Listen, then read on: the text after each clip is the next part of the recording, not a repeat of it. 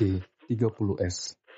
Gerakan 30 Sep Eh, bukan. G30S, Gaung 30 September Podcast Sejarah Indonesia Dimulai dari hari ini sampai 30 hari ke depan Kalian bakal dengerin episode spesial dari kami Penasaran kan? Pokoknya dengerin deh Podcast Sejarah Indonesia dalam G30S adalah Udah, Artinya yaitu tadi kita tahu bahwa semua agama itu kan mengajarkan pada ajaran moral ya. Cuman ajaran moral yang ditampilkan itu tidak dalam tampilan naratif tulisan tapi dalam bentuk visual gambar. Bisa saya kembalikan kepada Indonesia, tetapi pertanyaannya adalah apakah orang Indonesia itu bisa menjaga itu kan menyakitkan. Gila, gila. Itu kasusnya Iya. pada beberapa tahun yang lampau kalau kita mengunjungi Museum Nasional kita hanya menemukan replikanya Prasna Paramita. Prasna Iya. Paramita itu adalah arca yang sesungguhnya mm, pe- pe- perwujudan daripada sakti siwa, tapi masih dalam bentuk eh, de- eh, eh, tidak dalam bentuk eh, Durga, tapi Dewi Uma sebelum dikutuk ke dunia itu diletakkan pada bagian utara Candi Singosari. Itu pada waktu masa pemerintah Hindia Belanda di Indonesia itu iya. diambil karena apa? Begitu halus tatahannya, apa pahatannya, begitu Hmm, bagus dia membentuk bibirnya, matanya somia, halus, enggak. Jadi betul-betul seperti apa yang disampaikan dalam sastra tapi selera Nusantara. Karena Iya, kita tahu kalau Mas Taufik itu misalnya saya tunjukkan kepala arca Buddha, arca Buddha Nusantara Borobudur Iya, gitu ya, iya. terus di- dijejerkan dengan arca Buddha yang dari Jepang, dari apa Hmm. Dari- itu beda. Jadi Oh. matanya juga beda. Jadi orang ternyata dari sekian banyak apa arca Buddha yang paling apa ya bahasannya paling. perspektifnya apa kekakunya itu tidak kaku tapi luwes dan Hmm. alur pahatannya itu apa lurus itu ya dari, Dari Indonesia. yang Borobudur tadi kepala Buddha Borobudur seperti itu Mas Taufik. jadi saya rasa ya itu tadi Dijaga ya bu. ya kita harus menjaga sekali lagi warisan kita Iya, Nah, iya. kalau kita mau tidak dibilang pembohong katanya beradab ya mana kalau bukan orang sejarah orang-orang sejarah itu kebetulan juga bukan yang serakah dia nggak menguasai seperti maaf disiplin lainnya kayak biologi dan sebagainya yang ahli-ahli tambang dan sebagainya Iya. kita itu malah ngopeni ya itu, Itu tadi kita sudah kayak sobat masa lalu, kita udah punya warisan. Iya warisan Iya, kayak punya gitu. warisan kok disia-siakan Iya, iya, punya iya. warisan kok mau dijual karena tidak tahu tadi Hmm. belajar sejarah itu hakikatnya adalah nilai Value. nilai nilai Ya, ya, ya, ya, kalau ya. kita ada value nilai itu tadi makanya j- jangan sampai ya itu tadi eh, saya paling tidak senang bukan tidak senang saya karena saya pengalaman saya sendiri dari IPA yang saya agung-agungkan dari Iya iya. saya sejarah tuh yang saya rasa sambil merem belajar ternyata sulit Iya iya. iya. Sulitnya apa pada metodologi yang ketiga interpretasi Ya. tadi masuk mas. Nah dari interpretasi ketiga inilah yang tadi kalau kritik sumber kan ilmu bantu arkeologi. Iya. Nah eh, interpretasi ini kita harus cerdas bisa bergandengan tangan dengan disiplin ilmu yang lainnya. Nah itu dia. Nah, mengapa di S2 saya itu saya bergandengan dengan ahli seni rupa ITB Oh, saat oke. itu Prima Dita Brani Nah. almarhum itu yang memberikan saya tentang Perspektif uh, juga. perspektif relief ya nanti kita kesempatan yang lain bisa Oke Maaf. siap.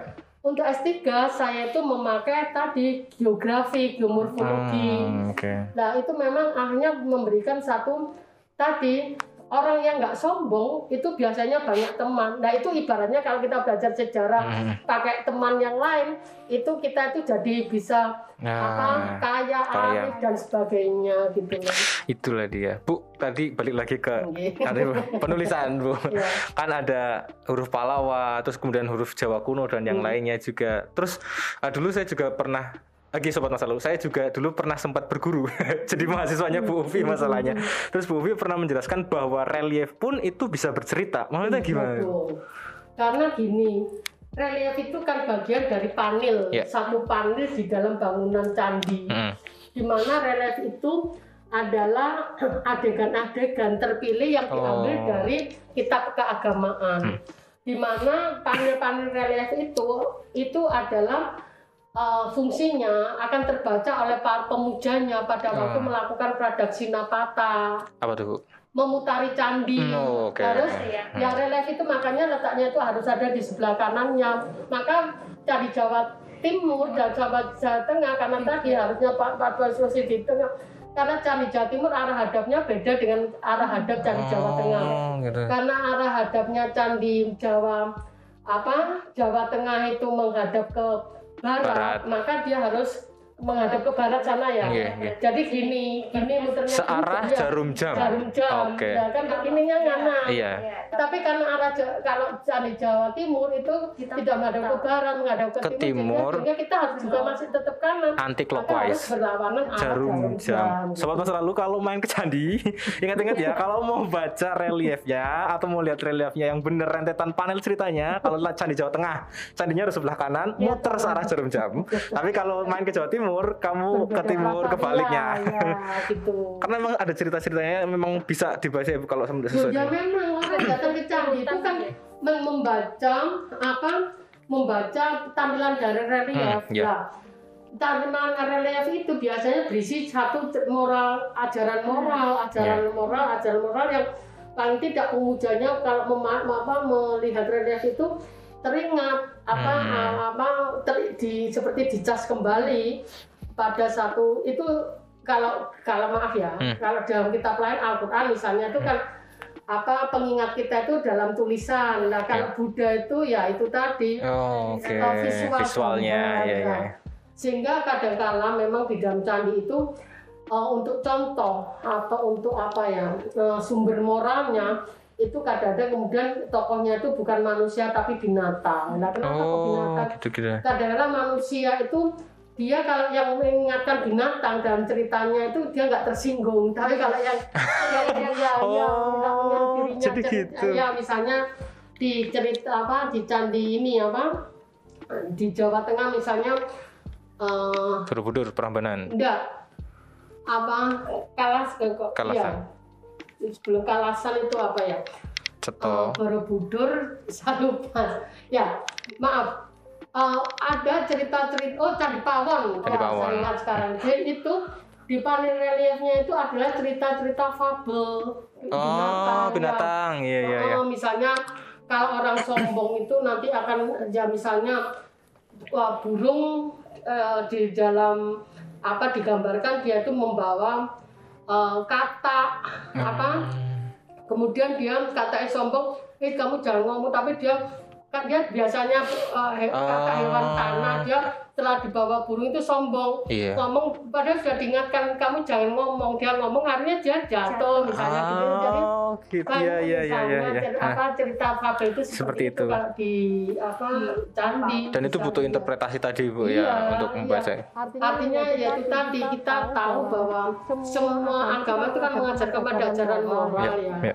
Cuma ajaran moral yang ditampilkan itu tidak dalam tampilan naratif tulisan, tapi dalam bentuk visual gambar.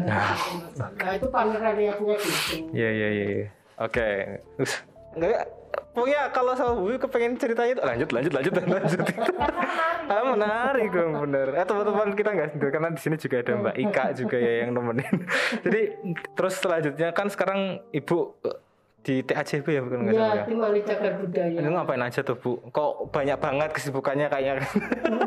Anu Mas Taufik orang ngurus warisan itu ya sibuk tuh mesti Oh, kena iya iya iya tarik. bener sih ya. Iya kan karena punya pajak. warisan.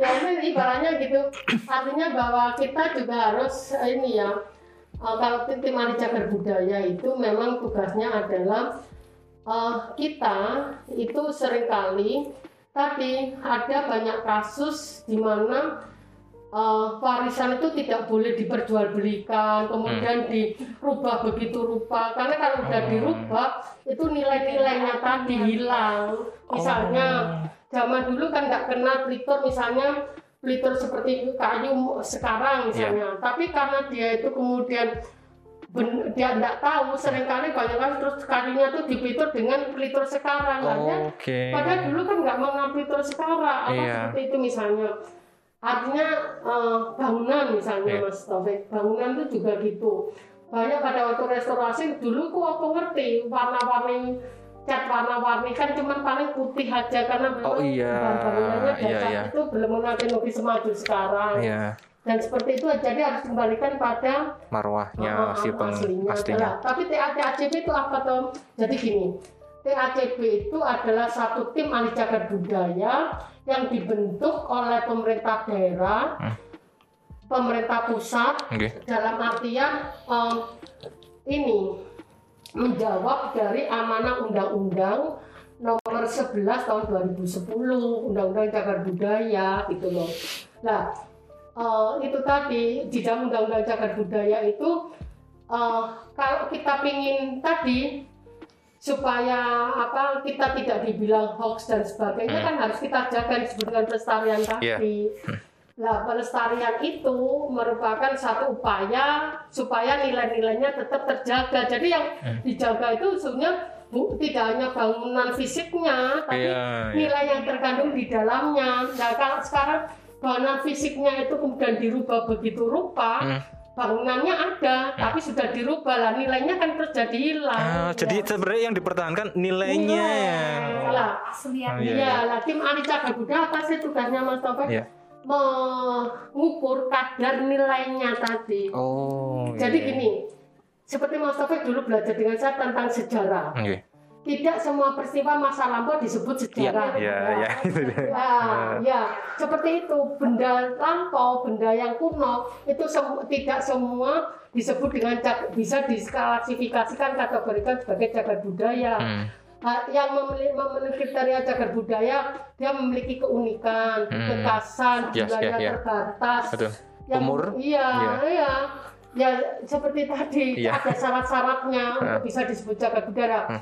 Yang bisa memahami nilai keunikannya, nilai kekasannya terbatas itu kan harus ahli yang expert sehingga Iya. mengapa di dalam tim ahli cagar budaya itu ada dari ekonomi, Oh. dari buku, iya. unsur-unsur disiplin ilmu, tidak hanya arkeologi sejarawan saja. gitu. Oh, oke. Berarti ya saya apal bu undang-undangnya itu, Bu. Karena kebetulan waktu pelajaran sejarah konservasi dulu ada Bu ya di SD. ngajar Ah, itu, ya. itu Bu Uvi dan juga memang awalnya bingung Bu kenapa sih kita suruh dibikin kelompok, terus kemudian kita suruh cari nek coro Jawa nih umah suwung atau apa kayak gitu terus kemudian itu yang bernilai sejarah yang punya kekhasan tersendiri waktunya juga sekian sekian sekian terus kemudian coba kamu gali terus kemudian diseminarkan dulu saya masih ingat Iya, begitu tuh itu iya, bener kayak gitu ya kesejarahan, ya. Iya seperti itu. Emang tujuannya tadi ya Bu, berarti value-nya yang ada di Iya, balik. iya, mem- mampu menggali nilai. Hmm. Tapi kalau yang konservasi kesejarahan yang Bu Vi pernah ajarkan pada Iya. panjenengan Mas Taufik tadi, itu kita mengkonservasi nilai-nilai kesejarahan. Jadi Hmm. begini misalnya, kok di Magelang itu ada sekolah AMS, ada Iya. Mulo. Mulo. Ya nggak heran karena Magelang nah, peristiwa. Jadi saya untuk konservasi sejarah tidak melulu pada benda arkeologi apa Ah, arkeologinya iya, saja. iya. Karena yang dimaksud dengan arkeologi cagar budaya menurut undang-undang itu kan benda, bangunan, struktur, situs dan kawasan. Oh Nah, iya iya. Tapi kalau yang kesejarahan berarti kita tahu peristiwa masa lampau itu dari ya ternyata pemerintah Hindia Belanda kan uh, ini sebelum ada kabupaten kan karesiden karesidenan. Ya. Nah, Magelang itu adalah ibu kota karesidenan dataran kedua. Iya. Nah, maka dia harus lengkap pendidikannya mulai dari SD, S- SMP ya. SMP. Seperti ibu kota provinsi kan Ya. juga lebih lengkap dibanding yang bukan Nah, yang- ah, seperti itu. Itu luar biasa. Saya sampai muter-muter beberapa daerah saya wah akhirnya nemu juga terus sempat konfirmasi sama Bu Uvi. Bu Uvi, ini apa betul? Oh, ya tapi ini kayaknya waktunya kurang Mas. Ya cari lagi. tapi ya akhirnya oh setelah setelah menggali ini saya mention Jadi oh, tadi itu ya. Artinya sekarang ada yang namanya tim pendata. Iya. Jadi tim pendata itu seperti sejarahnya sejarah itu juga harus punya sebenarnya. Hmm. Jadi kalau kita itu mendengar ada satu peristiwa Iya. yang apa eh, menarik dan sebagainya kita tangkap aja Hmm. kemudian apakah peristiwa itu sebagai fakta atau Hmm. hanya cuma kisah. Oke. Misalnya itu kan nanti seperti ti- tim ahli cagar budaya itu jadi benda yang diduga sebagai cagar budaya Hmm. karena dia kuno t- dengan yang memang betul-betul memang tadi Dan- dia memiliki keunikan Iya, kekhasan nilainya tadi ya seperti Ah, itu oke. apa paling tidak tugasnya dari tim ahli cagar budaya itu mengukur kadar nilai. Nilainya. Sejarah kan juga gitu. Sama ya, Bu. Mengukur kadar nilai tapi dari peristiwa. Betul. Tapi kalau cagar budaya itu mengukurkan dari bendanya, Ah. fisiknya kan begitu fisik dari benda, bangunan, struktur. Kalau ada bangunan-bangunan disebut dengan situs, kumpulan situs-situs itu kawasan. Dan alhamdulillah tahun 2018 kemarin, eh, alhamdulillah eh, tim ahli cagar budaya Kota Semarang khususnya saya itu bisa mengantarkan pada tadi kawasan Semarang Lama. Nah, ini ini Kawasan sobat Semarang sobat Lama. masal. Tadi saya ujungnya mau ini karena kebetulan Bu Uvi ini juga merupakan salah satu orang yang juga berpengaruh dalam Kota Lama. Kota Lama sekarang udah jadi keren banget ya. Kota Lama Semarang ya, bukan Kota Lama yang ada di mana, tapi Kota Lama Semarang. Bisa cerita nggak Bu? Dulu pertama kali saya ke sini. Waktunya cukup tuh ini. Eh, cukup bu, Ah, ah, santai aja bu. Kita kita break juga nggak ada. Jadi pertama kali saya ke sini tahun 2012 bu. Memang yang pertama kali saya ingin tuju adalah kota lamanya Hmm. waktu itu. Nah kota lama waktu itu kayak benar-benar saya masuk ke kota hantu bu, beneran Nah, itu pertama kali. 2012, Ya. saya tuh dua, tahun 90-an. Ah, apa aja Bu? Pasar Johar itu tempat orang judi nyabung ayam.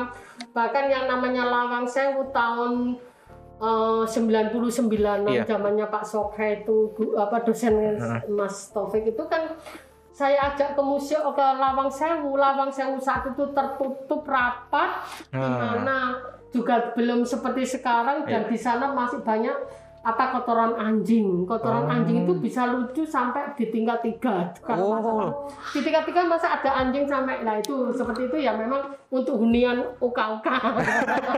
Iya Nah, ya masih memang- ditutup pintunya. Ya, ditutup dan saya sempat sampai ke atasnya sekali ya iya, iya, atapnya di atas itu ya bagaimana konstruksi Belanda eh, itu zaman Hmm. itu seperti apa eh, yang saya lihat kemudian Masjid Kauman itu Iya. juga apa em, saat itu juga masih di atapnya itu masih menyimpan senjata-senjata yang untuk Oh, Apa? di bukan di atas Ininya. anunya plafonnya plafonnya masjid. Iya. Oh, Oke. Ah, jadi gini saya memang kalau kita itu memang mahasiswa itu mau menyenangi sejarah ya memang harus explore Eh, untuk Kafah ya bu ya. iya harus harus harus Totalitas. total gitu loh jadi eh, memang harus bisa ini ya tadi apa meli ya, karena itu tadi bendanya itu ada di luar bangunan di luar kelas ya harus Hmm. keluar orang sejarah itu kalau di dalam kelas itu bukan orang sejarah namanya Nah, guys, silakan kalau kalian senang sejarah, dolan-dolan ya, main-main, Iya, lawatan. Itu. Kok kota lama bisa bisa sekeren sekarang itu gimana caranya? Nah, kenapa kok sekarang sekarang itu juga gini, mungkin eh, kita juga harus berterima kasih Hmm. pada pemimpin daerah Kota Semarang Yeah. saat ini Pak Hendar dan Bu Ita Mm. yang concern terhadap apa warisan memelihara warisan Ya. tadi yang melihara Paham warisannya banyak ya, Bu? iya, paham. Karena tidak semua pemerintah daerah itu juga punya Iya, satu iya. apa concern yang seperti beliau berdua. Iya. Ini keuntungan saya sebagai warga negara warga se- warga Semarang. negara warga penduduk kota Semarang. Semarang. Nah, kota lama itu sekarang sekarang itu karena gini, kita ngomong pelestarian, cuma Iya. melestarikan saja. Oh, Oke. Kan tidak bisa, harus dimanfaatkan. Oh. Jadi namanya pelestarian itu ha- harus meliputi pada tiga ranah Iya. perlindungan, Oke. pengembangan dan pemanfaatan. Oh. Nah, perlindungan ini biasanya banyak yang dilakukan apa tugasnya BPCB biasanya karena dia yang mageri, yang ngasih ya Tanda gitu. terus dia yang menyebut dan sebagainya. Fungsi teknisnya paling enggak pengamanan ma- tertentu. pengamanan dulu. Ya, seperti kemarin ditemukan wajan di Bantul misalnya Iya, itu ha, yang ha. mageri itu ya BPCB, BPCB dulu. ya. Itu paling enggak upaya perlindungan, Hmm. terus dikasih atap dan Iya. sebagainya. Nah, setelah perlindungan apa dia masuk register, Hmm. terus kemudian ditentukan juga apa perlindungan eh, dari zonasinya Iya. dan sebagainya, delineasinya sudah tercatat, diregis- diregister dan jelas sudah jadi satu kemudian pemeliharaan, Dipelihara ya, kalau dipelihara, pengurus dan sebagainya. Ini tahap perlindungan, itu berbicara seperti Iya. itulah. Kemudian setelah dilindungi kan artinya kita bisa mengembangkan, Iya. mengembangkan itu uh, mau di, di- apakan ini. Iya. Nah misalnya seperti IBC itu kan dulu itu kan kantor Oh, ya, iya. kantor rumah apa kantor perniagaan, Perniagaan, ya betul. perniagaan.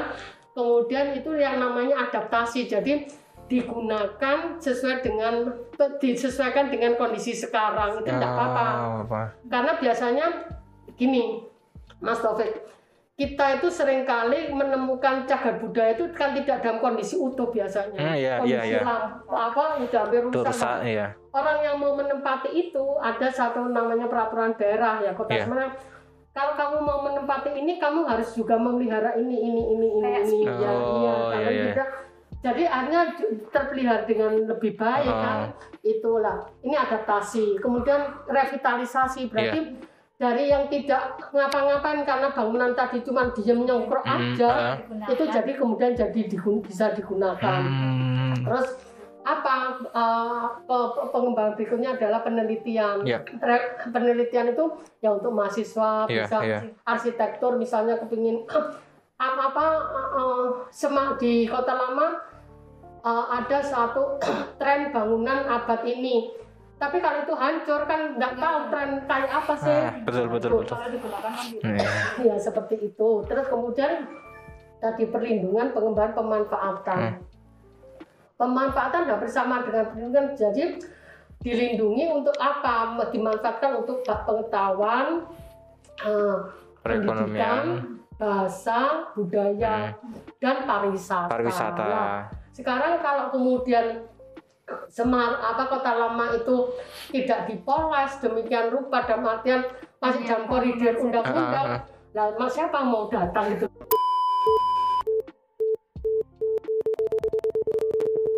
Terima kasih.